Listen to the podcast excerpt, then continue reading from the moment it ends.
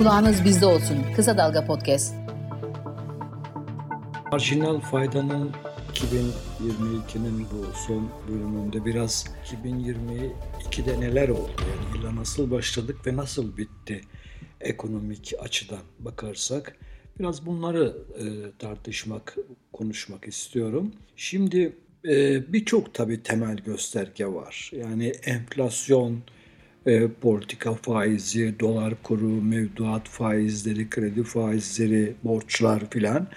Şimdi baktığımız zaman 2022'nin başında merkezi yönetimin borç stoku 2.8 trilyonmuş yılın başında. Bir yıl içerisinde 1.1 trilyonluk bir artış olmuş ve 3.9 trilyona gelmiş. Aslında bir de Avrupa Birliği tanımlı borç stoku vardır. Onda 4 trilyonun üzerinde zaten. Artı bu merkezi yönetimin borç stoku, genel yönetim borç stoku yani belediyeleri filan da katarak baktığımız zaman zaten 4 trilyonun üzerinde. Bu tabii belki ben de marjinal faydanın önceki bölümlerinde söylemiş de olabilirim. Bu son Cumhurbaşkanlığı sistemi döneminde çok hızlı artıyor borç stoku. Çok hızlı artıyor. Ee, ve tabii mesela bakın bir yıl içerisinde bir yıl içerisinde ki bu hani geçtiğimiz AKP'nin 20 yılını düşünün. Bir yıl içerisindeki artış 1.1 trilyon. Yani yıl başına 1.1 trilyondan bahsediyorum. Burada bu borcun ağırlıklı kısmının neredeyse %70'e yakın kısmının döviz cinsinden olduğunu düşünün. Çünkü borç stokunun içerisinde hem iç borç var hem dış borç var. İçeriden dövizle borçlanma da var. Tamam mı? Dolayısıyla birinci e, şey yüksek 4 trilyonu aşmış. İkinci faktör döviz cinsi borcun payı çok yüksek. %70'e yakın 67 idi galiba son hatırladığım. Değişken faizli borçlar yüksek burada. Bir başka arıza iç borç tarafında ana para faizlerden daha düşük. Faizler yüksek. Yani faizi borç stokunun faiz tarafı daha yüksek ana paradan. Zaten bu 4 trilyonun içerisinde oluşmuş ama henüz kağıda, deftere yazılmamış, muhasebeleştirilmemiş, ödendiğinde muhasebeleştirilecek bir kısım var ki, yani oluşmuş faiz yükü var ki onları toplarsak aslında bu borç çok daha yüksek. Yani 7 e, trilyona falan buluyor o zaman. Yani enflasyona endeksli borçlanmalar da var. Mesela orada oluşacak faiz belli değil. Ödeme günündeki enflasyona göre bir ödeme yapılacak. O zaman muhasebeleştirilecek ve biz o zaman göreceğiz o ödemeleri. Şimdi borç stokunda durum bu. Enflasyonda biz yılın başında o Aralık ayında hani 2021'in son Aralık ayında biliyorsunuz bir %13,5'luk bir çıkış olmuştu. O yüzden de enflasyon hani manşet enflasyon 20'li seviyelerden bir anda %36'ya falan gelmişti. Yılın başında biz 36 enflasyondaydık. TÜFE enflasyonu %36 idi. Yılın sonunda Aralık açıklanmadı. Hani Ocak 3 Ocak'ta öğreneceğiz ama şu anda Kasım itibariyle %84.3'teyiz. Dolayısıyla burada aşağı yukarı hani bir 50 puanlık bir e, artış olduğunu söyleyebiliriz. Bir yıl içerisinde enflasyonumuz 50 puan birden artmış. Üfe enflasyonu da biliyorsunuz 136'da. O da yılın başında 80 e, civarındaydı.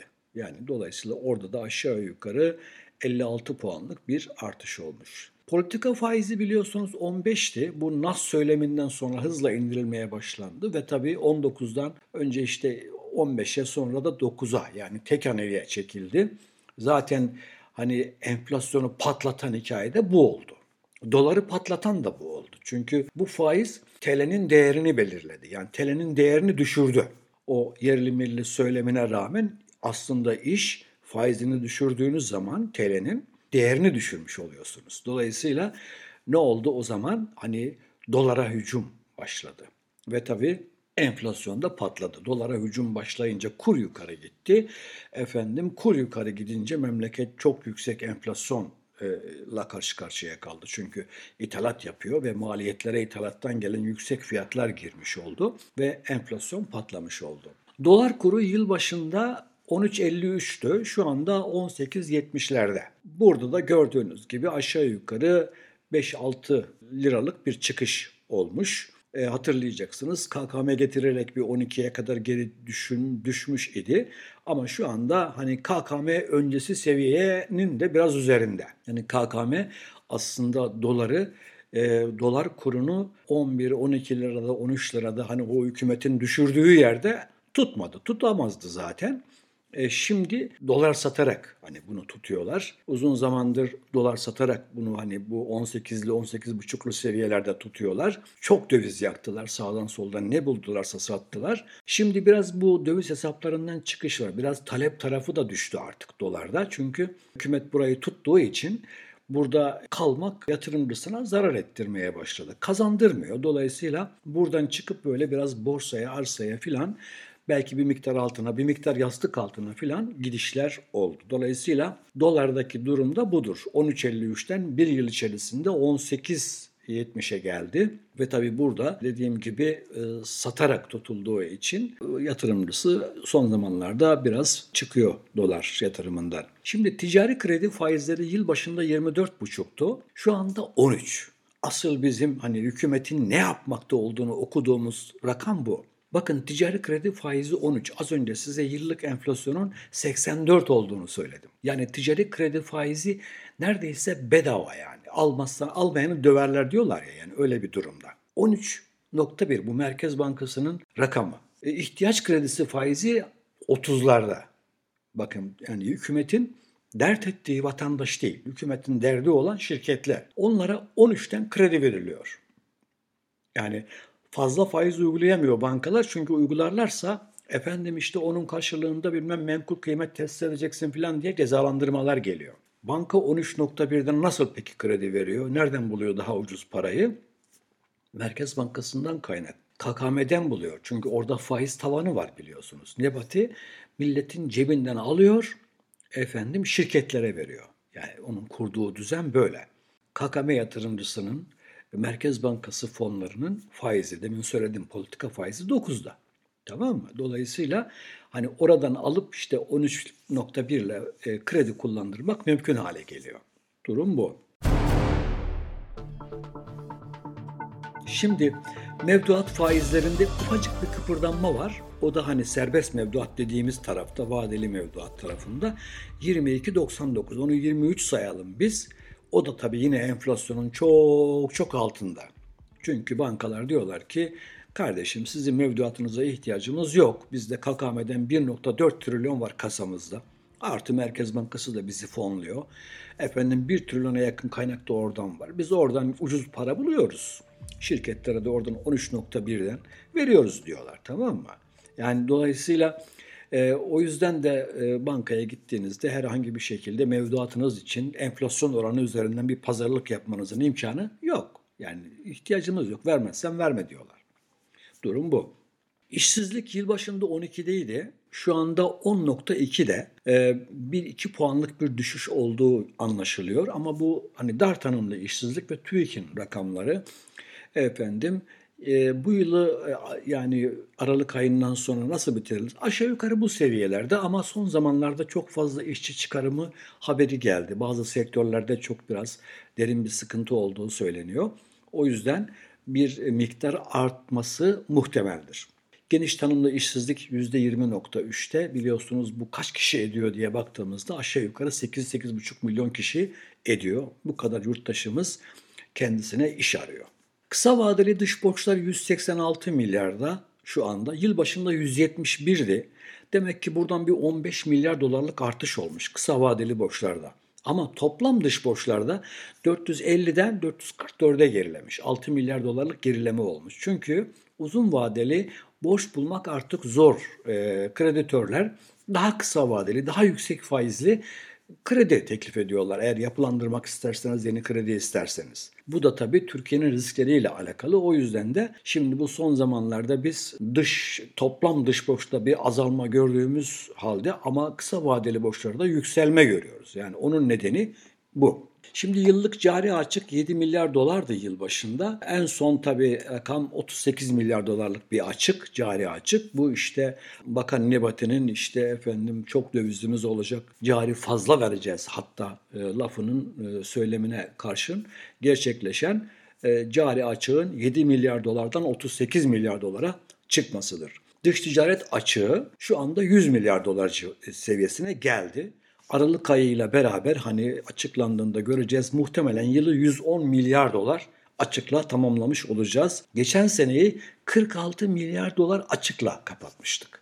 Yani aşağı yukarı iki kattan fazla bir artış olmuş olacak dış ticaret açığında.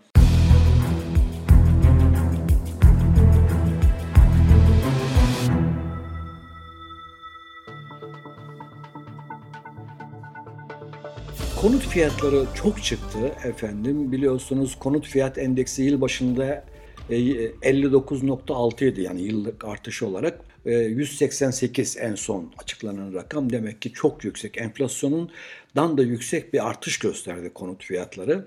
İstanbul'da mesela bir evin metrekare fiyatı 10 bin liradan 26.600 liraya çıkmış. Bu ortalama rakamlar tabii. Gördüğünüz gibi yine iki kattan fazla bir artış olmuş. Açlık sınırı açlık sınırı yıl başında 4 bin liraydı. 4097 liraydı.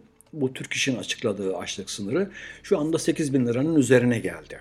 Ee, en son 7786 liraydı. Asgari ücret açıklanmadan önceki açlık sınırı. Sonra son açıklanan 8 bin liranın üzerinde gelmiş oldu. Zaten e, daha önce de söylediğim gibi birkaç ay sonra hani belki Şubat'ta biz açlık sınırının altında bir asgari ücret görmüş olacağız.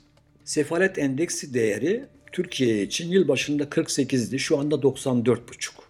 Yani orada da bir kötüleşme olmuş. E, hazine borçlanma faizi 8-18'de 9 orada ufacık bir artış olmuş. Döviz mevduatında e, 264,5 milyar dolardan 234 milyar dolara gerilemiş. Yani yılbaşından e, şimdiye kadar. Şimdi tabii burada e, işte bu döviz e, demin dediğim gibi dövize tutunca hükümet döviz yatırımcısı burada aylardır bekliyor. Hani dövizde bir kıpırdanma yok. Dolayısıyla da satıp başka enstrümanlara geçiyor. Yani bu dövize hücum güvensizliğin bir sonucuydu. TL'nin değersizleşmesinin bir sonucuydu. Aslında bu koşullar devam ediyor. Fakat niye döviz azalıyor bu arada? Çünkü döviz de bu sefer kaybettirmeye başladı. Dolayısıyla vatandaş dövizden çıkıp parasını efendim işte alım gücünü, servetini koruyabileceği seçenekler arıyor. İşte arsa alıyor, borsaya gidiyor, altın alıyor. Dediğim gibi belki bir miktarda güvensizlikten dolayı çekip yastık altına koyuyordur. Kredi hacmi çok ciddi şekilde artmış. 4.9 trilyonla 7.4 trilyona çıkmış. Yani vatandaş, şirketler kredi kullanmışlar. Kredi kullanılmış. En çok tabii vatandaş en çok taşıt kredisi kullanmış. Taşıt kredilerinde yıllık artış %200'ün üzerinde. Konut kredilerinde de artış var ama çok değil. %19-20 gibi artışlar var konut kredisinde yıllık bazda. E, çünkü konut fiyatları çok yukarı gittiği için herkes kredi kullanarak konut artık alamıyor. Yani dolayısıyla oradaki artışın mütevazi kalması çok normal. Ama tabii araba kredileri biraz daha alınabilir. Hani alınabilir derken hani bir ev 3-4 milyon lira, bir arabayı 1 milyon liraya alabiliyorsunuz. Yani dolayısıyla orada biraz daha kredi artışı var. Millet de kurdan korktuğu için bir an önce araba alayım. Hani daha fazla çünkü arabaların çoğusu ithal biliyorsunuz. O yüzden kura çok duyarlı bir e, alan. Orada öne çekilen bir talep var. Merkez Bankası'nın net rezervleri 46.7 milyar dolar açıktaydı yıl başında. Halen 43 milyar dolar eksi açıkta. Yani swaplar hariç. Hani o swap dediğimiz hani swap değil sevap aslında. Hani Katar'dan şuradan buradan alınan paraları da düşersek 43 milyar dolar eksi bakiyede Merkez Bankası. Tüketici güven endeksi yıl başında 73'tü şu anda 75 gibi. Bu bu bu seviyede geziniyor. Kötümserlik seviyesi bu. Efendim bütçe açığı 192 milyar TL açıkla kapatılmıştı 2021. Bu sene 450 milyar öngörülüyor. Ee, işte açıklandığında bütçe bunu göreceğiz. Dış borç faizinde asıl Türkiye'nin hani e, durumunu e, anlayacağınız, dış dünyanın Türkiye'ye nasıl baktığını göreceğiniz rakam bu. Dış borç faizi yıl başında dolar, döviz cinsi borçlandığınızda 2.45, %2.45 şu anda 8.74 yani yılı kapatırken en son rakam bu. Yani dolara böyle faiz veriyorsunuz. Dolara 8.74, 9, 10 faiz veriyorsunuz. Bu tabii işte Türkiye'ye kredi verenlerin sizin ekonominiz kötü e, dediklerini ifade ediyor bu. Yani risk primi de çok yüksek ondan dolayı. Şimdi 2023'e giriyoruz. 2023 e, ben kısa dalgada da bir e, yazı yazdım. 2023'te AKP kalırsa bu göstergelerin çok daha kötüleşeceğinden emin olabilirsiniz. Eğer iktidar değişirse bir dipten dönüş başlar. Efendim biraz hukuk, adalet, kural, efendim belir, belir yani belirsizliğin kalkması filan gibi faktörler yüzünden biraz döviz girişi olabileceğini, kurun sakinleyebileceğini düşünüyorum efendim e, yatırım kararlarının e, daha hani daha alınabilir, daha hani önünü görebilir olacağını düşünüyorum şirketlerin. Bu dönem biraz bekle gör tavrı izliyorlar şirketler. Öyle anlaşılıyor. Çünkü bu 13.1 kredi, o bedava krediye rağmen çok büyük bir yatırım teşvik belgelerine bakınca çok büyük bir patlama göremiyorsunuz. Yani şirketler de koşa koşa hani kredi alalım, yatırım yapalım heyecanında değiller. Daha çok işletme kredisi alıyorlar. Çarkı yani günlük çarkı çevirmeye dönük krediler alıyorlar. Hükümet de zaten bunu işte bu seçime giderken ekonomi canlı olsun filan diye bir kredi garanti fonu aracılığıyla bir paket açmaya çalışıyor bu aralar. AKP'ye kimse borç vermez. Bu memlekete yatırıma kimse gelmez. Ancak işte e, Suriyelisi, Iraklısı, Rusu gelir ev alır buradan. Artık hani onun ne yapacağı belli değil. O yüzden o belirsizlik yüzünden Türkiye'ye doğrudan yabancı sermaye gelmez. Çok düşük gelir. Yani onu söylemeye çalışıyorum. Hiç gelmiyor mu? Geliyor ama çok düşük. Yani 20 milyar dolar seviyelerinden geldi 5-6 milyar dolarlara. Yarısından çoğu ev. Dolayısıyla bu oradan döviz gelmiyor. Dış ticarette Türkiye devasa açıklar veriyor gördüğünüz gibi 110 milyar dolar açıkla kapatacağız efendim. Bir turizm tarafı Türkiye ucuzladığı için oradan biraz para geliyor ama bütün bunlar dövizdeki döviz sıkıntısını aşacak şeyler değil. AKP demek ki kalırsa eğer 2023'te yine döviz aramak, bulmak zorunda. Değil mi? bulmak zorunda, kuru tutmak için bulmak zorunda. Memleket döviz krizine, kur şoklarına maruz kalabilir. Dolayısıyla e, her şekilde hani seçim seçim yaklaştığı için para dağıtıyorlar şu anda. Asgari ücretliye, belki emekliye yılbaşında verecekler, memura verecekler. Ama sonuçta bütün bunlar bakın bütün bunlar siyaset için. Memleketin dengeli, adil bir gelir dağılımına sahip olması için değil. Çünkü arkamızda 20 yıl var. Seçim dönemi geliyor AKP para dağıtıyor. Seçim dönemi geliyor AKP para dağıtıyor. Böyle bir ekonomi istenemez. Biz dengeli bir ekonomi istiyoruz. Yurttaşlarımızın yoksulluk sınırı üzerinde yaşadığı bir ekonomi istiyoruz. Bunu talep etmek hakkımız. Çok uzattım. Konuşacak çok konu var ama e, burada bitirelim. Tekrar önümüzdeki marjinal faydada konuşmaya devam ederiz. Herkese iyi yıllar diliyorum. Hoşçakalın. Görüşmek üzere.